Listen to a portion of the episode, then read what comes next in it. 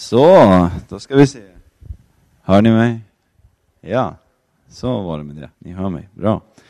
Eh, stor glädje för mig att få vara här. Tack för inbjudan. Det känns eh, härligt med er sedan eh, flera år att få lära känna er. Det är verkligen uppmuntrande. Eh, och eh, underbart att ni är här, tycker jag, i Landala.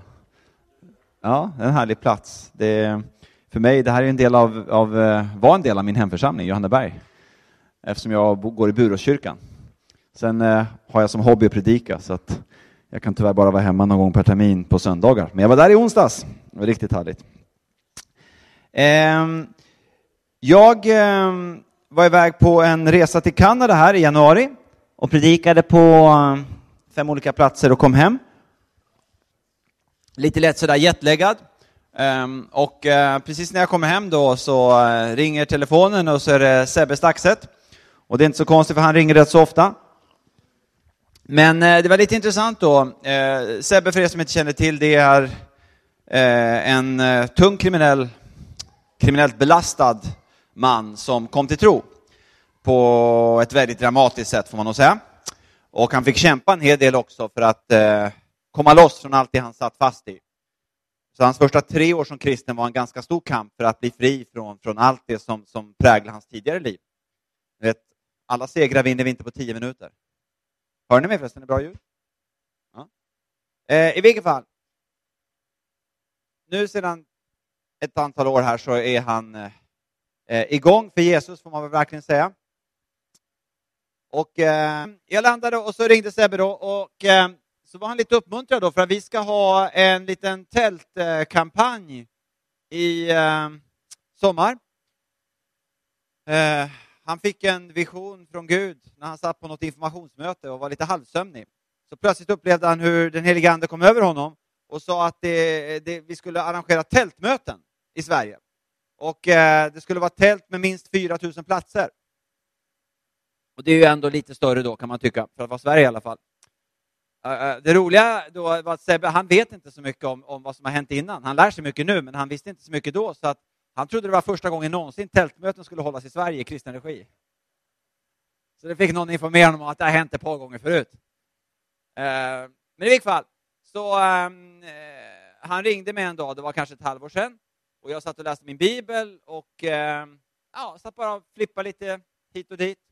Och så var jag i Jesaja 54 och läste om de eh, utvidgade pluggarna för tälten, att sträcka ut tältlinorna. Precis då ringer Sebbe och säger att vi har fått en vision från Gud här, vi ska ha tältmöten i Sverige. Jag och Carl Gustaf, vi tror att du ska vara med och leda det här. Jaha, sa jag. Eh, eh, ja, tecknet, sa han, det är, att, det är att vi har båda två läst Jesaja 54 när vi fick kallelsen. Då satt jag just och läste Jesaja 54. Så att eh, det var bara att hänga på. I vilket fall som helst, ehm, så ringde han nu när jag landade på svensk mark och så sa han det att eh, de första tre platserna som vi har bestämt nu för första sommaren, på alla dessa platser, utan att då Sebbe visste om det innan, så har det varit saker som Gud har gjort. Där väckelse har kommit till dessa tre platser, fast för länge sedan. Så bland annat så ska vi vara uppe på Körn. Jag vet inte om ni känner till Körn, men det är en ö som är lite nordväst härifrån kanske känns igen. Och eh, där uppe då, över ön Åstol, precis bredvid Körn, så eh, var det för någon generation sedan så att, att eh, fiskarna åkte mot ön och trodde att det var en eldsvåda man skulle släcka. Och när man kom dit visade det sig att det var ingen eldsvåda, utan det var Guds härlighet. Och eh, så kom väckelse dit. Och det är väldigt nära där vi ska ha tältet då. Ja, så att jag fick med mig det här och det som var lite speciellt var att eh, tre dagar senare skulle jag predika just uppe på Körn, på Klädesholmen. Så eh, jag skulle upp och predika precis där och eh, är på väg upp och så ja, kände jag bara för att lyssna på bibelundervisning. Och det brukar jag aldrig göra, det brukar jag göra, men inte innan jag ska predika, utan då brukar jag mest liksom själv, ja, du vet, man ska själv tala så man, man liksom förbereder sig lite. Men i vilket fall, jag flippade in bibelundervisning och, och, jag åkte i vår bil, vilket är ganska sällsynt, för det är sällan jag får åka i vår bil. Utan jag har oftast hyrbil på olika sätt. Men jag åkte i vår bil och vi har liksom, vet, gamla matrester och, och, jag vet inte hur det ser ut i er bil, men man säger så lite bibelsedel lite här och där. Så jag bara sträckte ut handen och fick tag på någon gammal bibelsedel från länge sedan. eh, och smackade in den då, för vi har så gammaldags bil så vi har ni vet CD-spelare. Förstår hur gammal den bilen är.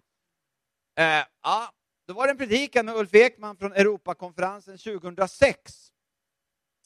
Och eh, då så, så, talade han om, om, eh, då, det är ju länge sedan, men så talade han om att han, han upplevde att, att det var en andlig vårtid på väg över Sverige. Eh, och eh, jag kände att det var något som grep mig där. Och lite grann han baserar på Höga Visan, stå upp du min sköna, min älskade och kom hit ut.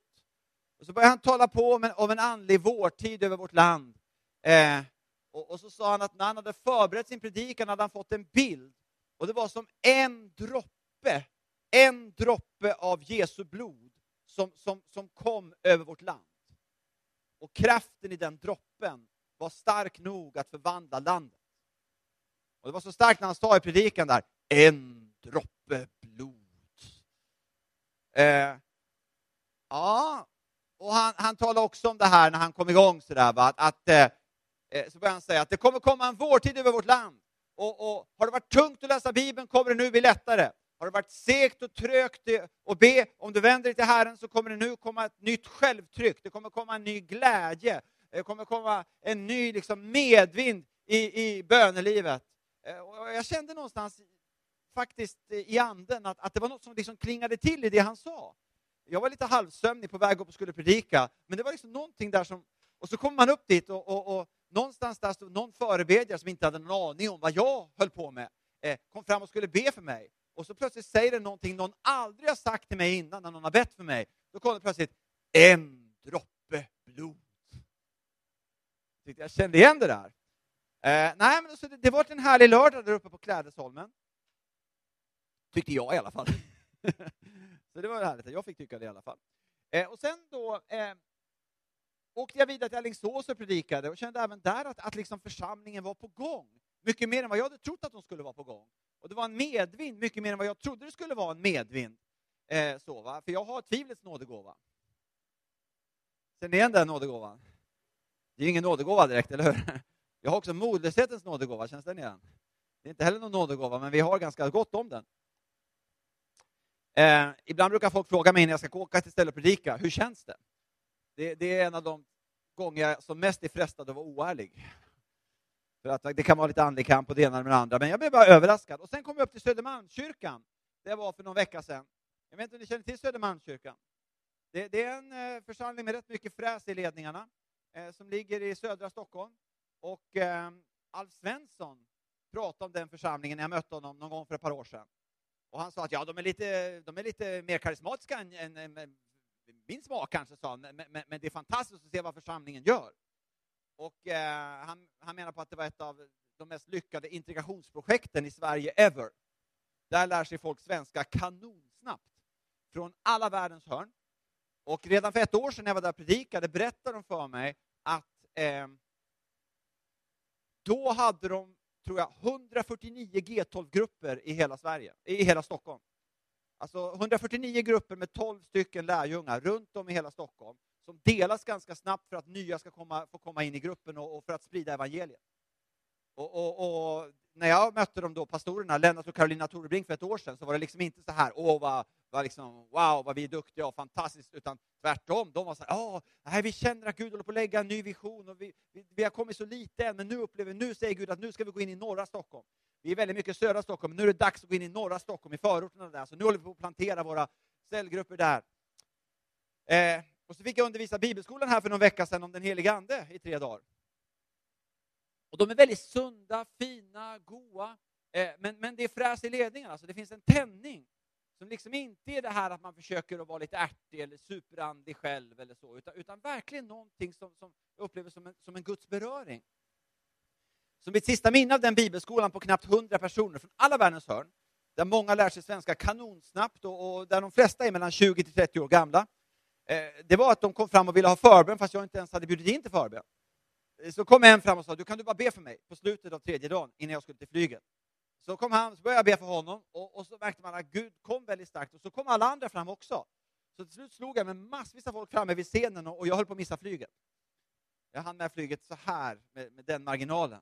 Men det var väldigt härligt, för det var som en stor sommarvind som bara blåste in i kyrkan och man kände om igen det här. Det började ringa, men vänta nu, kan det vara så att en andlig vårtid är på väg in i vårt land? Eh, och sen kom jag upp till Örnsköldsvik och då hade vi lite med tältsatsningarna att göra och, och där uppe, precis samma. Och sen Falun, exakt samma. Eh, någonstans liksom en andlig vårtid på väg. Och eh, då tänkte jag att vi skulle eh, försöka att eh, förankra detta i Guds ord. Och det är en text som har ringt i mig, och vi ska komma till den texten. Vi ska börja på ett annat ställe. Och eh, bara se lite grann. Vad kan Guds ord ge oss den här eftermiddagen? Oops, vi börjar i Johannes 20, vers 19. Det står så här. Johannes 20, vers 19.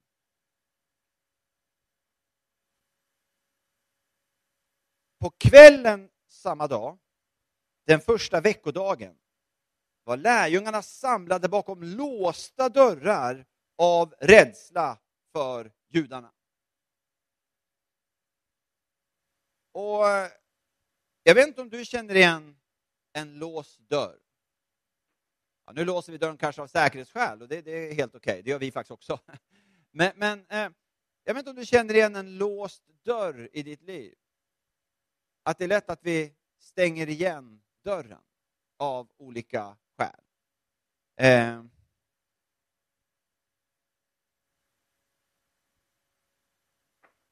det kan vara rädsla, otro, missmod, synd, massa olika saker som gör att vi stänger dörren och drar till låset. Då står det efteråt, då kom Jesus och stod mitt ibland dem och sa frid vare med er. Och där skulle jag vilja börja. Alltså, andlig förnyelse börjar inte med att vi drar oss i håret och vi blir lite duktigare, lite frommare, lite andligare. Eh, utan andlig förnyelse börjar alltid med då kom Jesus.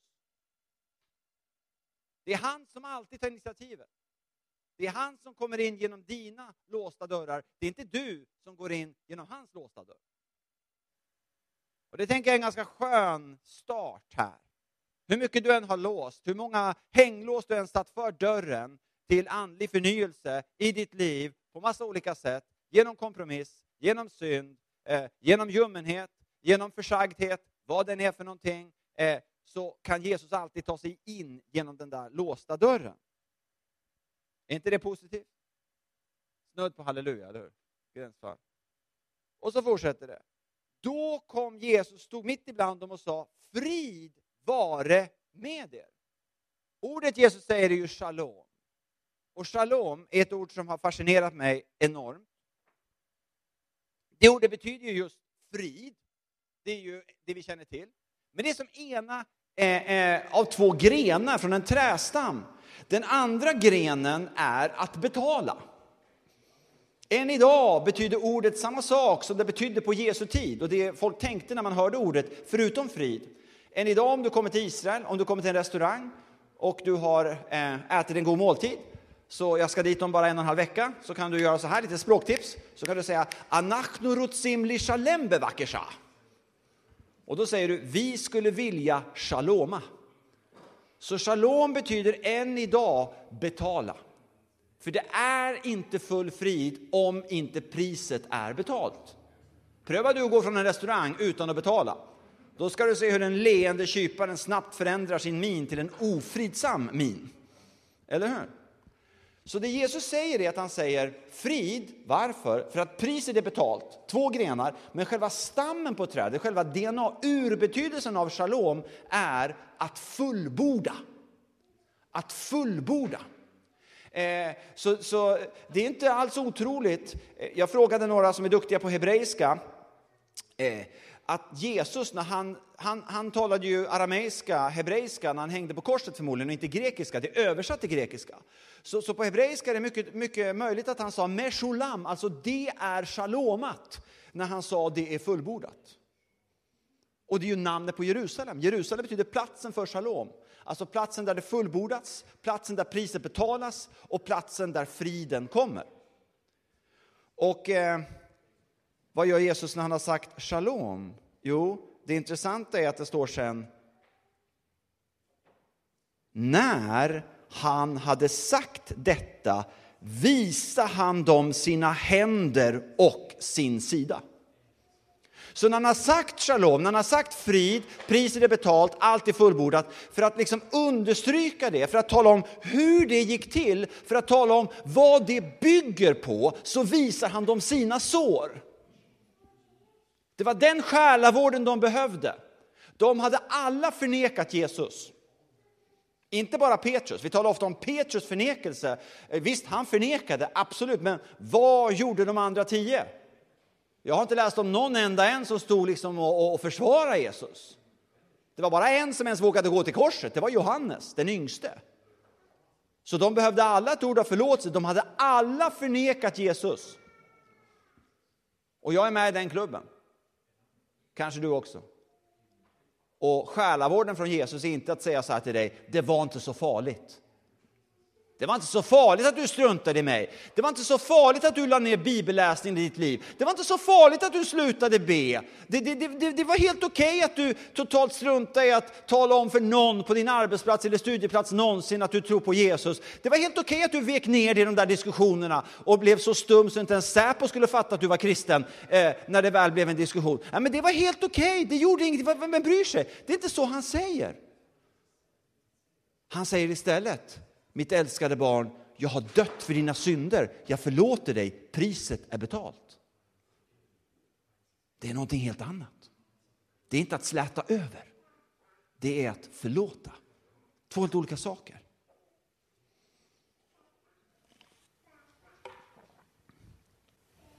Och så kommer nog världshistoriens största understatement. Den största underdriften någonstans när det står, jag älskar det här, och lärjungarna blev glada när de såg Herren. Är inte den skön? Jag vet inte om vi har berättat här om en kyrkoherde som tog emot en present från en vänförsamling i Afrika. Han stod och höll presenten så här och så sa han så här, fullsatt katedral, så sa han, idag är vi inte bara glada, idag är vi mycket glada kan man säga lärjungarna var bara inte glada, de var mycket glada. Är ni med? Det var ju liksom jackpot va? De är förlåtna, Jesus har uppstått, alltså han är sann. Allt det som han har sagt om sig själv är sant. De tillhör han som är världshistoriens herre. Det är ju snudd på positivt, eller hur? Och så kommer vers 21. Jesus sa än en gång till dem shalom. Jag lovar det, han gör aldrig någonting två gånger av en slump. Och det är ganska intressant att studera ordet shalom, frid, eh, evrene på, på grekiska i Nya Testamentet, i evangelierna. För att det jag kan se är att Jesus säger frid eh, främst vid två tillfällen. När han har helat någon för att tala om för dig att du är fullkomligt helad, du är fullkomligt frisk. Och så säger han det just efter uppståndelsen för att tala om att jag har dött och betalt hela priset för alla dina synder, allt är fullbordat. Så grundvalen av att vi överhuvudtaget ska tala om en andlig vårtid, att vi ska tala om ett förnyelse i våra liv, att vi ska be Gud om en ny eld i våra liv, är inte att vi peppar upp oss, är inte att vi förtränger verkligheten, är inte att vi dagdrömmer lite grann, är inte att vi låtsas att vi är bättre än vad vi är, utan grundvalen för allting är Jesu eget shalom. Och det understryker Johannes än mer när vi ser vad Jesus gör sen. Vers 21. Eh, precis, i vers 21. Jesus sa än en gång till dem, shalom vare med er. Som Fadern har sänt mig sänder jag er. Och så fortsätter han. Sedan han sagt detta andades han på dem och sa, ta emot den helige Ande. Vilken grej! Alltså Jesus, som är Gud och människa på samma gång, han andas. Och själva det ordet är ju samma ord som för ande. Och när han andas över dem, hans varma, heliga, barmhärtiga, livgivande andedräkt, han som talar det som är Guds ord, när han andas över dem, då fylls de av den helige ande. Så du har hela treenigheten där vid Jesu uppståndelse. Som Fadern har sänt mig, säger Jesus, så sänder jag er. Och försonaren, frälsaren, andas över dem. Då kommer den heliga ande, som också är en person i den treenige guden, över dem. Är inte det lite stilpoäng? Där har du en bild för när den helige ande kommer till dig. När han kommer till dig så handlar det inte om, om igen, att du ska dra dig själv i håret. När han kommer till dig så kommer han genom såren. Den bilden måste de ju haft framför sig även vid pingsten. Genom Jesu sår i försoningens ljus av nåd och nåd allena. Är du tacksam för det? Jag är en smula tacksam för det. Jag tycker det. Eh, så det har vi med oss nu som en grund. Och så tittar vi Apostlagärningarna kapitel 1. Och Apostlagärningarna är ju en väldigt eh, härlig bok. Eh, någonting som kanske vi ska bara eh, komma ihåg. Det är att ett fel vi ofta gör när vi ska titta mot framtiden är att vi ser för mörkt på det förflutna. Alltså har du ett mörkt förflutet utan Jesus så klart att det är mörkt, det förstår jag. Det är inte det jag talar om. Men jag talar om ditt liv tillsammans med Jesus. Eh, vad menar jag? Jo, jag tänker så här att vi, ett stort problem för oss är att vi glömmer det vi borde komma ihåg och vi kommer ihåg det vi borde glömma. Det är ett stort problem. Vi glömmer det vi borde komma ihåg, vi kommer ihåg det vi borde glömma. Alltså, vad kommer jag ihåg? Oj, oj, oj, människors oförrätter. Oh, du kan väcka mig upp mitt i natten. Det gjorde han mot mig den 27 november 2014. Då sa han så, då gjorde han så. Eller hur? Det kommer vi ihåg i detalj. Men Guds löften, ja, vad var det för någonting? Eller vad Gud har gjort i ditt liv, det är shilling blanco ofta. Fast han har gjort hur mycket som helst. Och, och, du har också gjort mycket för andra i den heliga Andes kraft, men det är liksom borta. Du får en alldeles skev bild på, av dig själv eftersom du, du liksom inte tänker på det. Och då tänker vi så här att apostlärningarna, det, det, det är en helt annan planet. Apostlärningarna, det är liksom som att besöka ett andligt Uranus. Men, men jag sitter ju liksom i Göteborg, va? det är ganska långt från Uranus. Men låt mig bara tala om då för dig att det man ofta glömmer är att apostlagärningarna hände inte på en kvart. Apostlagärningarna hände över en generation. Och det jag älskar med apostlagärningarna är att precis som resten av Bibeln är det Guds ord. Så, så att det är sant. Eh, och Lukas leds av den helige Ande. Att naturligtvis berättar han om, om vi ska komma till det, ni vet, pingsten, andeutgjutelsen, väckelsen, tusentals kommer till tro, nådegåvorna, helanden, ni vet, frimodiga vittnesbörd. Han berättar om det, underbart, halleluja. Men han berättar också om när Paulus eh, och Barnabas skulle ha en missionsresa och blev osams. Kan du tänka dig på den tiden blev de osams? Nästan ofattbart, eller hur? Och, och, och, och, de blev rejält osams. De grälade så stickor och strån rök. Om de skulle ha med sig Johannes Markus på nästa resa eller inte. Och Paulus han sa aldrig i livet. Och Barnabas sa jo men vi kan väl ta med honom. Han ballade ur förra gången men vi kan väl ta med honom nu. Och Paulus nej nej nej han är inte redo. Det här kommer helt kapsejsa. Och Barnabas jo men snälla. Och ni vet det slutade inte ens med att de sjöng We shall overcome och gick tillsammans hand i hand med blommor. Nej de gick åt varsitt håll. Men de försonades sen, fast det var många år senare. Är ni med? Alltså, Apostlagärningarna handlar inte om en perfekt värld. Det handlar om när Guds vulkanutbrott kommer och människor går med det. Det är något helt annat. Och huvudtemat i Apostlagärningarna någonstans, finns många säkert, men, men, men, en sån här röd tråd, det är hur Gud älskar att gå över gränser. Hur Gud tar sig över gräns efter gräns efter gräns, barriär efter barriär efter barriär. Jerusalem, det börjar i den ultimata hemmaplanen. Jerusalem är det som är tryggt. Jerusalem det är eh, eh, när du fikar här ute efter gudstjänsten med de som du känner allra bäst. Och det känns jättetryggt och jättegott. Det är Jerusalem. Liksom. Yes, underbart. Men det, det nöjer sig inte där, det stannar inte där, utan den heliga Ande leder dem till Rom. Och Rom var den ultimata bortaplanen, mitt i eh, eh, det, det brutala romerska imperiets glödande, sjudande, livsfarliga centrum. Dit nådde evangeliet. Och så finns det ju nästan ingen bibelbok i universum som är så frustrerande som Apostlagärningarna. Har du tänkt på det? Alltså för det är ju spännande. Om man läser, man är liksom, oh wow, Paulus liksom, och nu kommer Paulus till Rom och det är storm på vägen och Gud är med och räddar honom. Wow, nu har han kommit till Rom, världens imperiecentrum. Nu ska vi se, vad händer med Paulus i Rom? Han vet, Nero är kejsare, det här kommer bli spännande. Så bara, slut!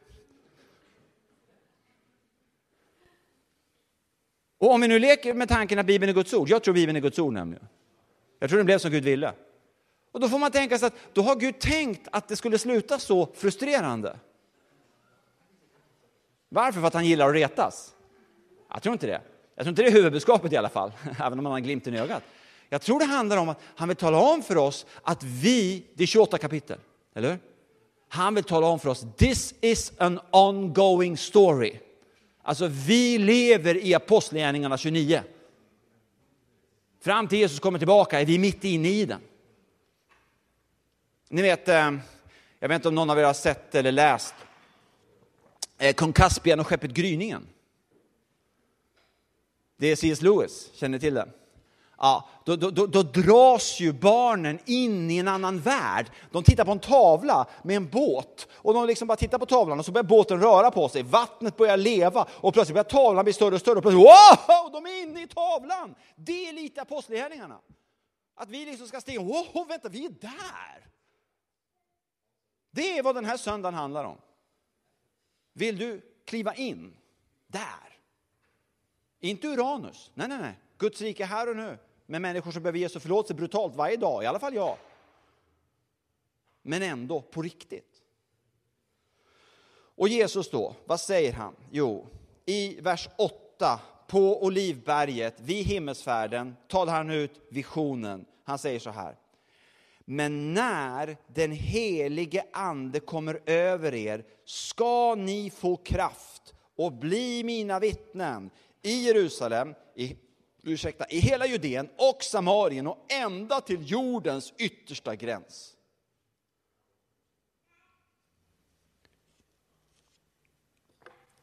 Jerusalem var rimligt, Judeen var ju naturligt, Samarien var en chock. När han sa Samarien, bara va? Samarien, vad säger karln?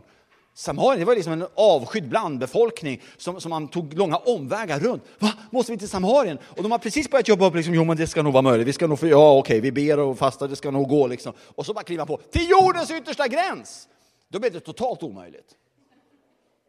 Ni vet, en vision från Gud kännetecknas av att du kan inte göra den själv. Du måste ha Guds hjälp, annars är det helt omöjligt. Och så är det intressant att se vad, vad skulle kraften vara till för? Vad skulle kraften vara till för? Ni ska få kraft så ni får massa mysiga upplevelser. En kommer bli varm om öronen, en annan kommer hoppa och dansa, en tredje kommer sitta alldeles lugn och känna en djup frid, en fjärde kommer att hoppa upp och ner och en femte kommer springa cirklar. Alltså det är sånt vi ofta fokuserar på, eller hur? Vi är jätteintresserade av liksom, hur ser det ut, eller vad gör någon, speciellt i gudstjänsten, och så stör vi oss på de som inte gör som vi hade tänkt var andligt. Men ni vet, den heliga ande blåste in väldigt starkt under en mässa i London det var en biskop som ledde mässan, så det var fint som snus. Och eh, ni vet, den helige Ande, han kommer ju som han vill. Alltså, ni vet, Jesus säger att den helige Ande är som vinden. Du kan inte kontrollera honom. Han kommer inte sätta sig på ditt huvud, han kommer inte tvinga dig att göra saker du inte vill. Det tror jag ytterst, det är ett extremt undantag. Det är inte det jag pratar om. Men det jag pratar om är att det är Gud. Och han är ingen kissekatt, han är ett lejon och ett lamm. Så han kom in där och eh, det hände saker med folk, för folk reagerar ofta när Gud kommer och vrider upp volymknappen. I mitt liv behöver man inte vrida upp mycket förrän det börjar hända saker.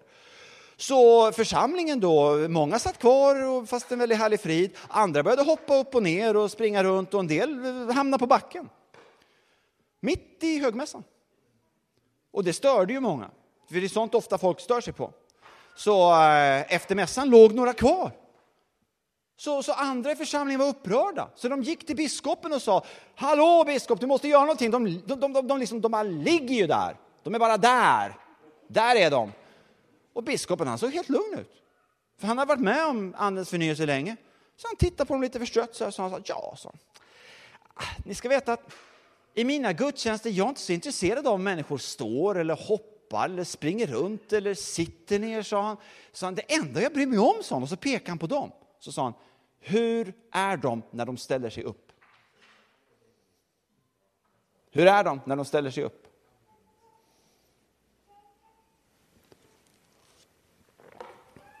Vet du, vad, vet du vad jag tror Gud längtar efter? En sak han längtar efter. Jag säger inte att jag har 100% rätt, men, men, men jag tror att jag är nog inte jättelångt från sanningen.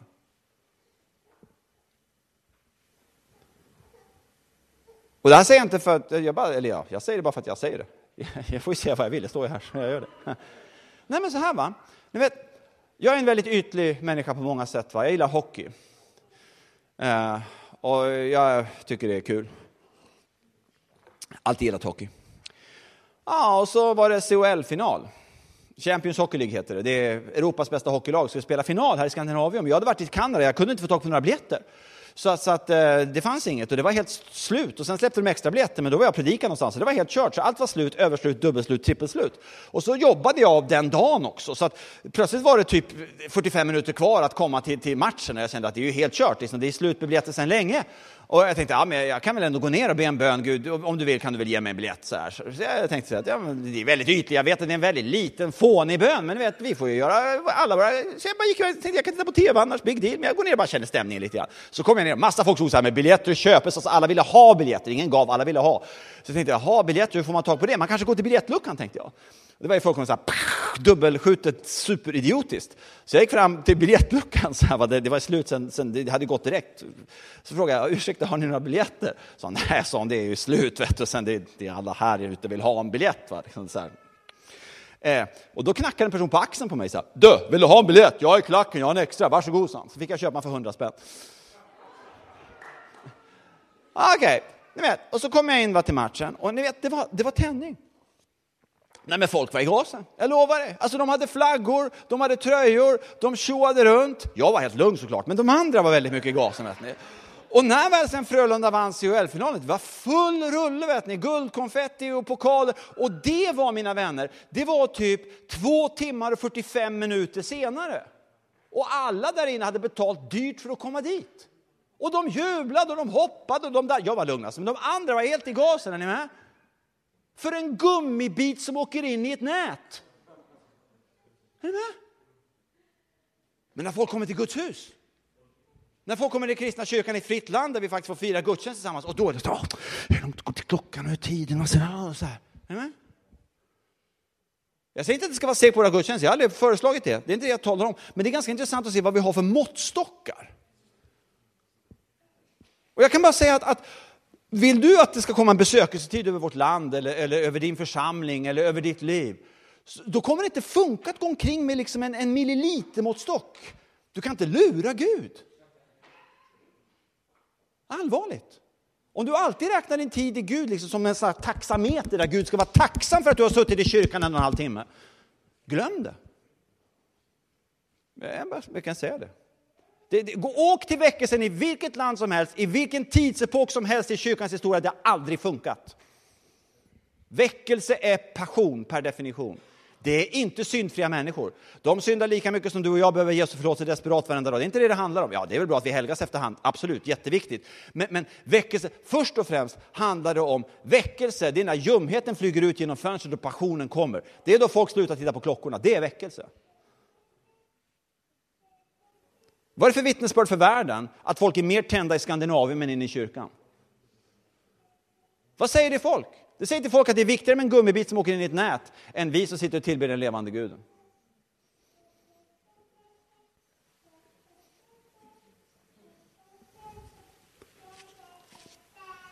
Just saying. Men jag ska inte bli långrandig här idag, jag lovar. Jag ska alldeles strax landa in. Vers 14. Nu tar apostlarna den här visionen från Jesus. Jesus tas till himlen, men de är märkligt nog glada. För de är fyllda med den heliga ande, en av andens frukter i glädje. Och så står det i vers 14. Alla dessa höll enigt ut i bön tillsammans med några kvinnor, Jesu mor Maria och hans bröder. Och, och eh, när det står att de höll enigt ut i bön, om man tittar på det uttrycket, så, så, tror jag det är ganska uppenbart att vad det handlar om är alltså att, att eh, eh de satt inte bara på varsin stol och bad. Och det är inget fel att sitta på en stol och be, du ber lika bra då, jag är helt övertygad om det. Men, men, men det var inte bara så det var, utan det här handlar om att de kämpade i bön. För ni vet, en besökelsetid, en andlig vårtid, det är mest underbart. Det är mest halleluja. Det är framförallt underbart för att Guds rike når till flera som håller på att gå evigt förlorade. Så det är helt fantastiskt. Mega halleluja. Men det har också en prislapp. Det är inte när problemen slutar, det är när problemen börjar. Det är inte när kampen slutar, det är när kampen börjar.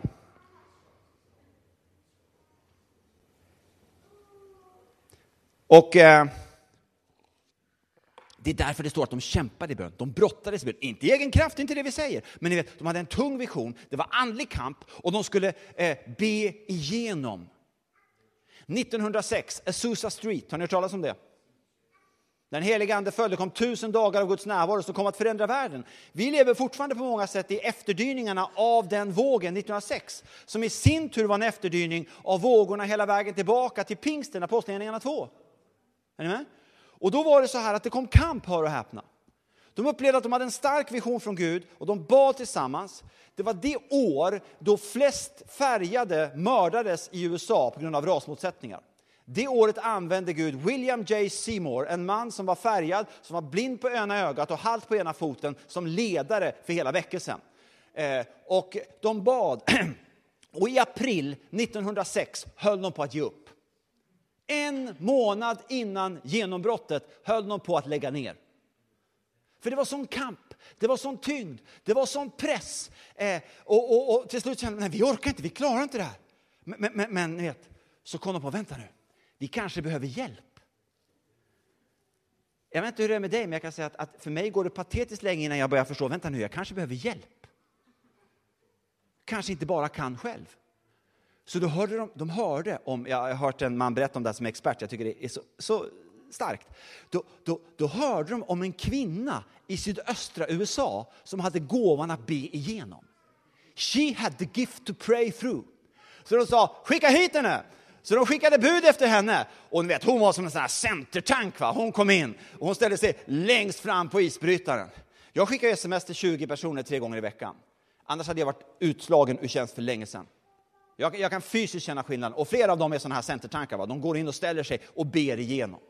Eh, och nu kom den här kvinnan upp, hon ställde sig längst fram och, och, och på isbrytaren i andens kraft, bara nåd. Men hon hade den nådegåvan, to pray through. inte det en härlig gåva? Behöver inte det församlingen? Va? Gift to pray through. Ni vet, såhär, ge inte upp, de bara, de, bara, de bara tuggar på. De bara kämpar på. Det fanns ju så, två sådana kvinnor på Hebriderna. Vet ni hur väckelsen kom till Hebriderna? Jag har en vän, tro till dig, jag har en vän. Han älskar att åka till platser där det varit väckelse. Så han kände att han skulle åka upp till Hebriderna, till, till där väckelsen kom så starkt över, över öarna där, så att folk kom dit från hela världen. De hade inte ens Facebook. Inte Instagram, inte något, något, utan det var bara Guds ande som kom med Guds härlighet. Det räckte tydligen, för hela världen kom dit. I vilket fall, vet ni hur det började? Två gamla kvinnor med svår reumatisk verk. Och de ställde sig själv frågan så här, de ställde inte frågan vad är omöjligt. Det mesta var omöjligt för dem. Utan de ställer sig, ställer frågan, vad kan vi göra för Jesus? Vad har vi gåvan till att göra? Vi är svårt reumatiska, vi kan liksom inte gå, vi kan inte gå ut ur huset ens. Vad ska vi göra? Ni vet de flesta hade gett upp i ett sånt läge, eller hur? Nej, nej, sa de, vi har en kallelse. Vadå? To pray through, att be igenom. Vi ber. Och ni vet, det var inte lagiskt, det var liksom inte fyllt av krav och hoho, ja, ja och så vidare. Va?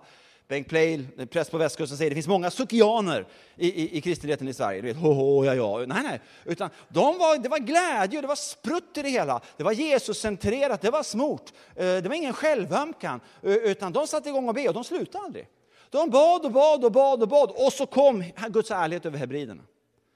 Idag är det oerhört eh, eh välbehövligt i svensk kristenhet med gåvan att be igenom.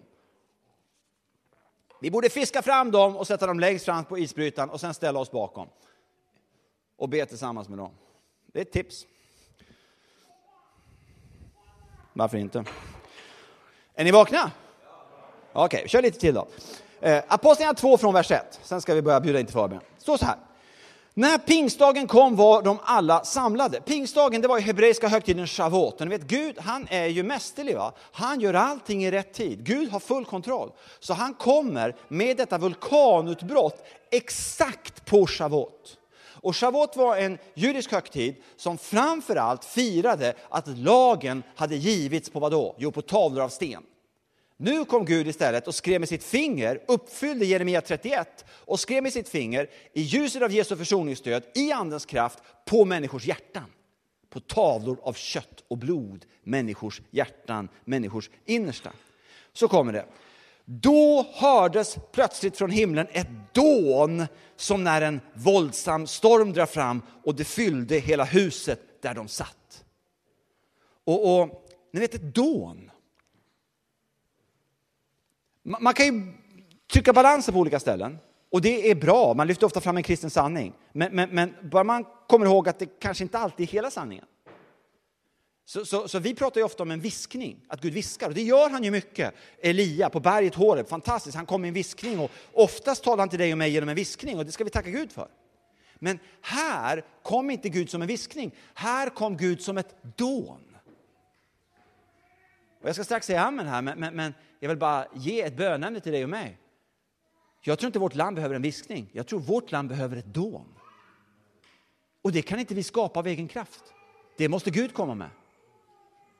Eh, tror du Gud kan? Väckelsen bland iranier. Väckelsen bland iranier eh, har ju varit en enorm väckelse bland iranier, både i Iran och utanför Iran. Väldigt många har kommit till tro genom tecken och under. Alltså, väldigt många har kommit till tro genom att Gud har kommit profetiskt och uppenbarat. Här är jag, Jesus, jag är uppstånden från de döda, följ mig. Det är ett dån, eller hur? Eller Azusa Street, tillbaka dit. Tusen dagar av Guds närvaro. Eh, jag hörde en riktig expert tala om det här, med njutning. Eh, mycket, mycket kunnig, Sveriges mest kunniga förmodligen. Och han berättade om, om ni vet, att Guds närvaro, härlighet, det här var en forskare alltså, var, var, var utgjuten över flera kvarter. Så att, så att det, väckelsen kom liksom, så att när du kom flera kvarter ifrån så märkte du att det var någonting speciellt. Så bland annat så, de har hur mycket vittnesbörd som helst. Ett föräldrapar kom med eh, sin dotter som var svårt sjuk i polio och gick på kryckor. Och de gick, och så ett par kvarter därifrån så blev de på så gott humör. De kände, vad är det? Vi blir på så gott humör. Det är något som är så lätt och det känns härligt. Och ni vet, andens frukt är kärlek, glädje, frid. Och de fylldes av någonting som påminner om det starkt. Eh, och de känner så bra, men samtidigt började de tänka, men, men vi måste ju få förbön för vår dotter som, som har polio. Och, och, och, så såg de huset och det var fullt med folk runt omkring. Så de fattade, hjälp, vi kommer inte komma in i det huset. Blev väldigt bekymrade. Och så tittade de på dottern. Hon hade släppt kryckorna två kvarter längre bort. I Smyrnakyrkan på 50-talet när, när Gud skruvade på volymknappen. Det berättas om, om att människor fick syndanöd när de åkte spårvagn utanför Smyrnakyrkan. Ja, men Gud kan, tror du inte Gud kan? Problemet med mig, jag talar inte om dig, jag talar om mig, det är att jag ofta gör Gud liten. Alltså, jag har den här bilden av Gud och vad han kan. Så här, Gud, gör vad du vill, gör ett mirakel. Vad du vill, Herre. Du vet, man tänker här, tre centimeter höger, tre centimeter vänster, uppåt, neråt, gör vad du vill. Och jag tror att Gud idag bara vill, vill tala om för dig med mycket stor kärlek att han är inte så intresserad av dina begränsade bilder. Utan du kan gärna lägga den vid korset. Det blir mycket mer spännande att leva som att Bibeln faktiskt stämmer. Som att apostlagärningarna faktiskt fortfarande händer nu. Som att det kan komma en andlig vårtid till vårt land. Tungor som av eld visade sig för dem och fördelade sig och satte sig på var och en av dem. Alltså Gud kommer som eld. Eld är ju Guds passion. Och ni vet, det är makalöst med Fadern och Sonen och den helige Ande. Han och bara han kan få våra hjärtan att brinna med den, blips, med den eld som brinner i oss men inte bränner ut oss. Det är bara han. Många frågar mig, eh, eh, eh, så här, men, men varför är du inte utbränd? Varför har du inte bränt ut det? Och jag kan bränna ut mig imorgon, för det är upp till Gud, alltså, och upp till min vishet, jag vet det absolut, jag ska inte göra dumma saker, försöka. Men, men, men alltså, mitt enda svar, varför inte jag har bränt ut mig, det, det måste vara, nej men, Gud är ju suverän på att ge en eld som inte bränner ut oss, utan brinner i oss. Och det är väldigt befriande att umgås med Sebbe Staxet. För de flesta jag umgås med säger att jag gör för mycket. Och så umgås jag med Sebbe någon dag, så tänker jag så här, nej, jag gör ju nästan ingenting. Och det är så skönt med Sebbe, va? Eh, han är inte syndfri, tvärtom, han behöver ge sig förlåtelse varenda dag. Desperat. Men vet, ingen har talat om för honom att saker är omöjliga. Han har inte lärt sig det än. Så, så, att, ni vet, vad, vad, kan man göra? Jo, men man kan ha ett möte så här. Sen kan man åka till fängelset direkt efteråt och vittna för dem inne i fängelset. Varför inte? Så gör han det. Och det är ganska uppmuntrande, uppiggande, för att det är Gud som kallar honom. Eh, tänk på lärjungarna på väg till Emmaus. Kommer ni ihåg dem? Jesus kommer med lite humor, går bredvid dem, fast han visar inte att det är han. Är inte det lite humor? Ni vet, han förklär sig inte, tror inte jag. Jag tror bara, de tittar bara inte upp. Ni vet, de är så här. Som Ior innan Lepu. Jag vet inte om du känner igen det, att du fastnar så här ofta. Mm. Och allt blir så seriöst och allting blir så allvarligt och allting blir så förvirrat och allting blir så ljummet och jag blir så viktig. Jag i mitt universum, jag, mig och mitt, åh, ja, så. Väldigt befriande, vet ni. Jesus går bredvid dem och han börjar fråga dem, varför är ni så deppade? Och de går så här. Och så börjar de berätta om honom och han går och lyssnar när de berättar om honom. Han säger, jaha, jag förstår, ja, det måste vara tufft. Mm, mm. Och sen har han ett bibelstudium om hur han finns i varenda bok i hela Bibeln. Och någonting börjar hända. De berättar om det sen, eller hur? Hjärtan börjar brinna. Innan de ens förstår att det är han. Är ni med? Alltså, Gud har en suverän förmåga att få ditt hjärta att brinna innan du ens förstår att det är han. Jag är inte här idag för att hålla en lång predikan för det gör dig trött. Jag är här bara för att tala om för dig att, att Gud kan tända en eld i ditt liv. Han längtar efter att vrida upp den där elden. Har du en liten rykande veka, har han barmhärtig med det. Han förlåter dig för det. Jag har ofta det. Inte så ofta, men ett par gånger per dag kanske. Så liksom håller min eld på att slockna. Men han är så suverän på att få sprutt på den här elden igen.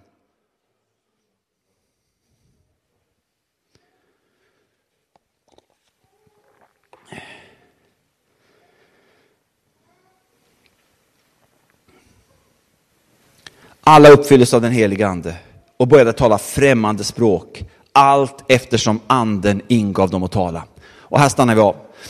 Eh, jag har en liten halvvers och sen så bjuder vi in till förbön. Och bara säga det att något som är suveränt med den helige ande, det är att han, Gud, är en mästare på att kommunicera. Han kan ditt språk, han kan mitt språk. Men det som är så eh, fascinerande är, han kan varenda persons språk där ute. För att han känner oss bättre än vi känner oss själva. Och därför är det det naturligaste i världen, det här med att han, han här eh, börjar låta människor tala olika språk. Och nådegåvor. Vi hinner inte undervisa om nådegåvor nu, det kommer ni göra när ni har en lång predikoserie, det blir jättebra, undervisa om det. Men ni vet, Gud Ja, varje ny bok jag läser om den heliga Ande och nådegåvor har en ny uppdelning. Det är ganska roligt, för, att, för att det, det, man kan dela upp det på många sätt. Men låt mig bara säga någonting om nådegåvor, sen ska jag stanna av med en vers och sen stanna av. Eh, nådegåvor, det finns hur många som helst. Bibeln har en öppen lista eh, eh, och det är underbart. Alltså Gud har kreativitet. Han har hur mycket nådegåvor som helst. Allt handlar om att förhärliga Jesus. Och ni vet, Gud är kreativ. Jag känner en gudskvinna som, eh, tror till dig, men, men hon, hon, är pensionär nu. Riktigt erfaren krigare i Herren. Och, och hon eh, levde i en kommunitet med två andra damer, äldre damer, tre äldre damer. Och så eh, levde de där och så fick de höra att det finns en tonårstjej som har kris, hennes hem har havererat. Hon behöver någonstans att komma, så, så kan hon få komma till er? Och de sa, ja men självklart, hon får komma och bo hos oss. Vi, absolut, det gör vi gärna. Det är bara ett problem, sa de. Hon är inte kristen ska ni veta. Ja, okej, okay, det är fine. Hon avskyr kristna. Ja, men det är helt okej. Okay. Liksom, det får vi hantera. Vi är ju kristna, men det ska säkert lösa sig. Och hon, hon tycker det värsta som finns är gamla damer. Så det var i sweet spot, eller hur? Hon var gammal dam kristen. Det var liksom så fel det kunde bli. Va? Och så kommer den här tonårstjejen in genom dörren. Hon har en keps som är neddragen så här. Hon står och tittar så här, på tal om Ior, ni vet. Tittar så va. Och här står den här gamla damen. Vad ska hon göra? Men hon är en erfaren andens kvinna. Vet ni vad som hände? Hon ser den här tonårstjejen som står neddragen så här. Och så börjar det kittla i magen. Så här, för den heliga ande kan ge oss fysiska sensationer. Men det är, inte till för, det är ofta till för att vittna. Och så hör hon bara hur, hur, en röst som säger till henne, väldigt så här viskande, väldigt stilla. Nu får du nådegåvan att berätta roliga historier. Har ni talat om den? Och ni vet, hon bara kommer att tänka på de mest bizarra roliga historier för henne. Hon har liksom glömt dem hur länge som helst. Det bara liksom kommer hur mycket som helst från varenda fest hon någonsin varit på med. Helt galna grejer. Va? Så hon bara börjar säga roliga historier. Hon säger inte ens hej, hon bara börjar leverera. Liksom. Grej efter grej efter grej. Som en stand-up comedian så står hon bara levererar roliga historier. Och den här tjejen hon spricker ju upp. Va? Och till slut ligger hon ju på golvet och ap, gapskrattar. Och hon har blivit förlöst. Va? Och så tar hon emot Jesus någon dag senare. Så ni vet, det är en öppen lista. Gud är en mästare på att kommunicera. Eh, eh, livet är spännande. Så att nådegåvor. Jag, jag, tänker att dels finns det nådegåvor kopplat till våra talanger. Har du en talang, en utbildning, det du jobbar för, det du har med dig eh, i det rationella, mycket bra. Ge det till Jesus. Låt den helige ande liksom smörja det. Säg till Jesus, jag ger dig mina studier, jag håller på att läsa till det här, men jag vill ge det till dig. Eller, jag är väldigt smart och håller på med det här, jag ger det till dig. Eller, jag är ekonom, jag ger det till dig. Eller, jag leder lovsång, jag ger det till dig. Jag målar tavlor. Alltså, har du något med dina talanger, ge det till Gud, för han vill smörja dina talanger. Välsigna dig där. Sen finns det ledarnådegåvor. Efesierbrevet 4 till exempel, att, att vara ledare på olika sätt. Eh, har du ledargåvor, ge det till Gud. Säg ja, men jag har ledargåvor Gud. Om det så blir i företag eller blir i kyrkan eller både och, jag ger det till dig. Eh, och sen finns det pneumatikos, andliga gåvor som Gud kan ge oss. Där han då ger oss gåvor som hjälper oss att, att kommunicera.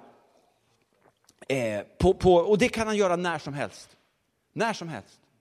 Eh, och den sista versen jag skulle läsa, jag sa det en vers och sen slutar jag, det är vers 14. Då steg Petrus fram tillsammans med de elva, höjde sin röst och talade till dem. Det är en av de verser jag älskar mest i hela Bibeln. Då steg Petrus fram. Han som hade förnekat Jesus. Han som var minst frimodig av alla. Om du finns här inne som är ofrimodig, så kan jag säga att jag är i din klubb. I mitt eget jag är jag oändligt bekväm och inte alls social. Vilket är stor humor att Gud har kallat mig till detta. Så när jag flyger eller åker tåg eller någonting, va, du hittar mig aldrig bland folk. Du hittar mig liksom under pentryt, bakom, där. Liksom, om alla människor i ett flygplan sitter tillsammans så hittar du mig längst bort. Jag är som en eremitkrabba, va? jag kryper bakom en sten och tittar ut så här. Va? Det är verkligen sant, min familj vet. Eh. Men så har Gud kallat mig till det här, jag tror det är mest Guds humor. Och, och han kan göra vad han vill när han vill. Eh, det har jag fått uppleva så många gånger, att han kan komma med den förvandling som han kom med till Petrus. Eh, lägg märke till att det här var någonting som kom plötsligt över Petrus. Den helige Ande kan ju förvandla oss över 50 år. Han älskar att helga oss mer och mer och det är underbart, halleluja. Men den här gången kom han plötsligt. Den man som inte hade vågat stå för tron på Jesus när en person hade sagt bö 50 dagar tidigare. Nu när den helige ande kommer över honom står han och kom ihåg, han hade inte läst Apostlagärningarna 2. För det hände just då. Han visste inte hur det skulle gå, med risk för livet när anden kommer över honom och min kollega Berit hon brukar säga att med den heliga ande, dels finns det det här långsiktiga, han helgar oss mer och mer, andens frukt, det kan vi tala om en annan gång och det kommer ni tala om under serien, halleluja för det. Men jag kände så tydligt när jag kom in hit, så var det som att, att jag tror det var från Gud, att han ville vi skulle läsa den här versen och så ville jag tala om för dig att han kan faktiskt också göra saker snabbt ibland. Han kan förvandla snabbt. Det är upp till honom. Och min kollega Berit brukar säga, att den helige ande är som en popcorn. Okay? på det gamla goda sättet. Glöm mikrovågsugnar. Utan istället, du har en kastrull, vad är kastrullen? Kyrkan. Du har olja, olja är den heliga ande. Du vrider upp, vad är det? Guds kärlek. Och så de här opoppade popcornkärnorna. Så är vi utan smörjelsen. Utan den heliga ande i våra liv, eller när den heliga ande är väldigt svag som en rykande veke, då är vi sura och, och, och vi, vi, vi liksom, ingen vill ha oss. Inte ens oss själva vill vi ha oss när, när, när det är så. Va? Eh, hemma brukar mamma gömma allt godis. Jag fick inte tag på godis och kakor. Hon gav mig kakor i en ration, men jag fick inte mer. Så hon gömde allt. Och då fick jag desperat längtan efter något att äta, ni vet 11 år gammal. Då hade hon en liten burk på spiselkransen som jag gick till i min desperation. Där fanns opoppade popcornkärnor. Har du prövat att käka det någon gång? Det är bland det värsta. Du växer i munnen, det är som flarn så här. Men du lägger samma hårda popcornkärna i kastrullen Kristi kyrka, på med den heliga ande, Jesu kärlek vrids upp. När du är där, då, hör du, då händer ett mirakel. Pop! Och så kommer det någonting fantastiskt. Så jag tror att vi ska be idag, att komma inför Herren. Vi ber, vi lägger händerna på dig och eh, det jag skulle vilja verkligen be om då, eh, det är just detta med, för mig själv, jag behöver det, den här förbönen, jag har ju 20 förebedjare som ber för mig flera gånger i veckan. De ber för mig mer än så. Eh, men jag skulle verkligen, vi skulle vilja lägga händerna på dig och bara be om just där jag började. Det är vad jag kände när jag gick in hit. Jag behöver det mer än du. Men jag vill be, jag vill vara med här tillsammans med andra och be om en andlig vårtid i ditt liv. Jag vill be om en besökelsetid i ditt liv. Jag vill be om en, om en andlig sommarvind i ditt liv. Jag vill be om en ny glädje i ditt liv. Jag vill be om en ny lätthet i bibelläsningen i ditt liv. Jag bara känner nu att det finns några här inne där du, du har kommit in i någon slags nedstämdhet och det finns någon slags gråa moln och det har många orsaker säkert. Men jag tror ett anledning till att du har gråa moln det är att det har kommit som ett plexiglas mellan dig och Bibeln. Så det är liksom som att allt annat är intressant än Bibeln. Allt annat är liksom, ja, men, men, men Bibeln, men någonstans känner du dig tommare och tommare. Du känner att det här håller egentligen inte. Men du har bara kommit in i det. Då tror jag liksom att Jesus idag vill bara ta bort det där plexiglaset. Så att när vi har bett för dig så har jag tro för att det ska komma en ny glädje i bibelläsningen. En, liksom du dras mot ordet. Jag sa inte tre timmar per dag, sa jag det? Ja, det är bra om du gör det, men jag sa inte det. Utan bara att, ni vet, en bibelstund per dag gör dig pigg, frisk och glad. Det är det jag är ute efter. Att liksom ordet får komma in en gång per dag. Är ni med? Komma in. Den längtan tror jag att Herren vill, vill bara förlösa in i ditt liv. Och en ny lätthet i bönen. En ny lätthet i bönen. Jag har fått det själv de senaste veckorna. Det går ju upp och ner det där. Men jag har fått en ny lätthet i bönen. Och, och jag känner bara att, att jag har fått, eh, eh man får ju, det är så mycket som går fel i ens liv, man kan få dela någon gång när någonting går rätt. Det, jag har fått en ny lätthet, jag har fått en ny längtan efter att ta böndagar. Och jag behöver liksom inte ens åka iväg till ett exotiskt land, det kan man göra också, det är underbart. Men, men, men själv har jag börjat ta nu bönedagar i Göteborg och bara gå runt och hänga med Jesus. Vet, jag tror Jesus längtar efter att du inte ska behandla som en budskapsautomat. Liksom att alltid när du ska vara med Gud så ska han tala något, han ska säga någonting, han ska liksom komma med tilltal, han ska göra något nyttigt, han ska ge dig en nådegåva, han ska på något sätt. Jag tror Jesus, ni vet, han, han älskar dig mer än du kan förstå. Han längtar efter att du bara ska komma för att hänga med honom.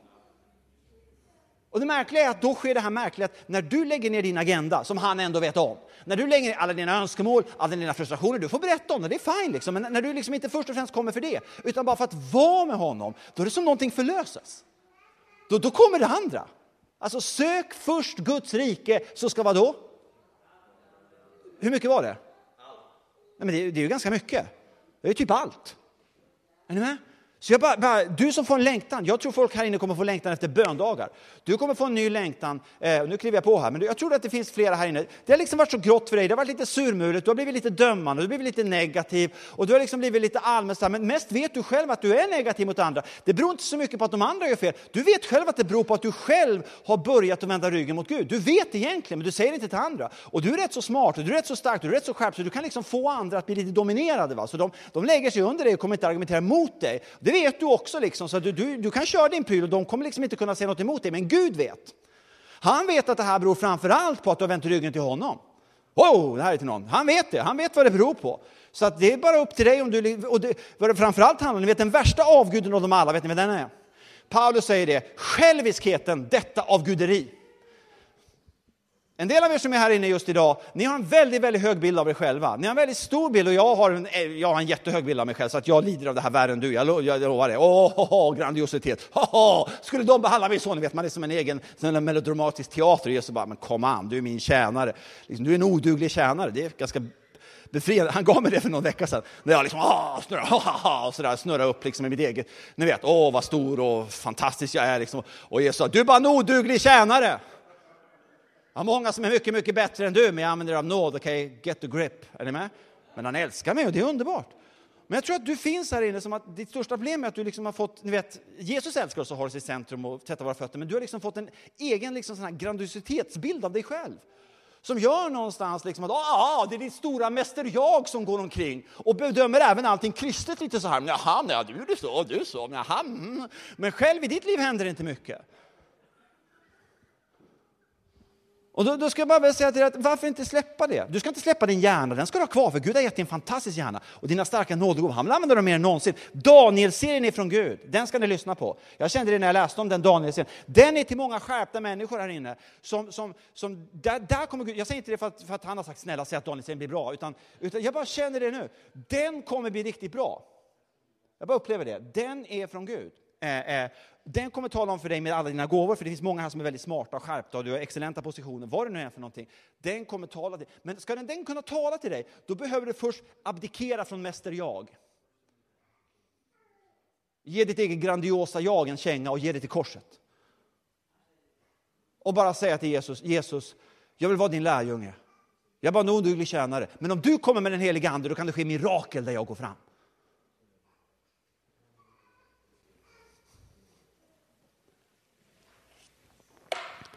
Kan jag be lovsångsteamet komma upp?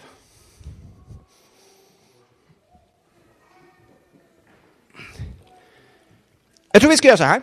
Vi ska börja vid korset. Jag behöver gå dit flera gånger per dag. Och jag tror vi ska börja vid korset först.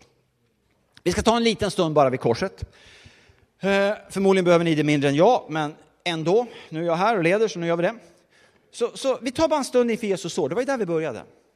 Vi bara går inför Jesus. Han står här nu där i korset, med sina sårmärkta händer. Han säger till dig shalom, priset är betalt, allt är fullbordat. Han vill tända eld i ditt ljumma hjärta, i mitt också.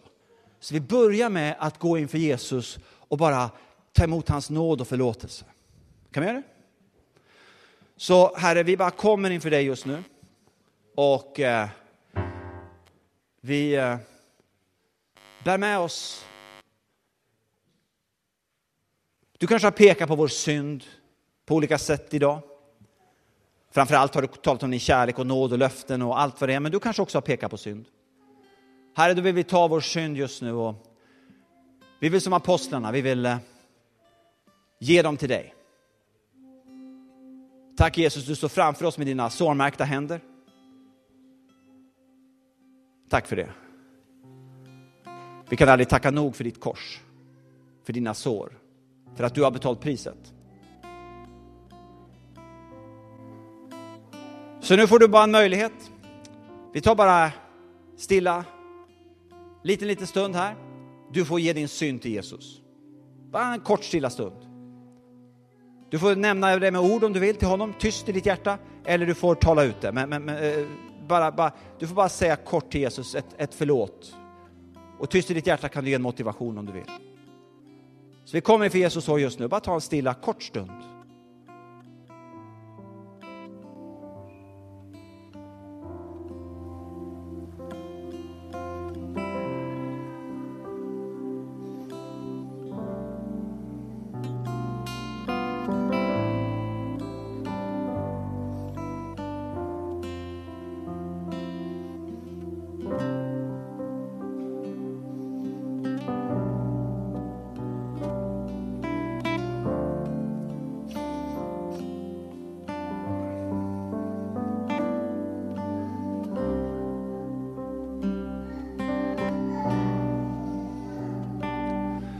Det står i Bibeln, om vi bekänner våra synder är han trofast och rättfärdig så att han förlåter oss våra synder och renar oss från all orättfärdighet. Så om du har bekänt din synd så bara tillsäger jag dig på vår Herres Jesu Kristi uppdrag. Dina synder är dig förlåtna. Tillsäg detta i Faderns, Sonens och den helige Andes namn. Och Herre, vi tackar dig för din förlåtelse, för din nåd, att du betalt priset. Nu ska vi ta en liten stund av lovsång och möjlighet till förbön. Kanske kan vi göra så att vi, du har suttit länge, kan vi göra så att vi står upp bara en kort stund. Så eh, är vi här framme, jag har med mig olja. Olja i Bibeln är ett tecken på den helige Ande. Och eh, jag kan dela med mig av oljan till andra förebedjare här. Jag tror det vi gör är väldigt enkelt, att du kommer fram och så bara smörjer vi dig med olja. Och så bara ber vi om den helige Andes kraft i ditt liv. Vi ber eh, om en ny vårvind. Så varmt välkommen fram du som vill bli smord med olja innan nattvarden här. Så får vi bara smörja dig med olja, lägga en hand på dig, bara be för dig, välsigna dig helt kort. Och har du något speciellt du vill ha förbön för så bara säg det. Annars behöver du inte säga någonting alls, utan du bara kommer fram och ställer dig så smörjer vi dig med olja. Varmt välkommen fram. Vi står här framme. I Jesu namn.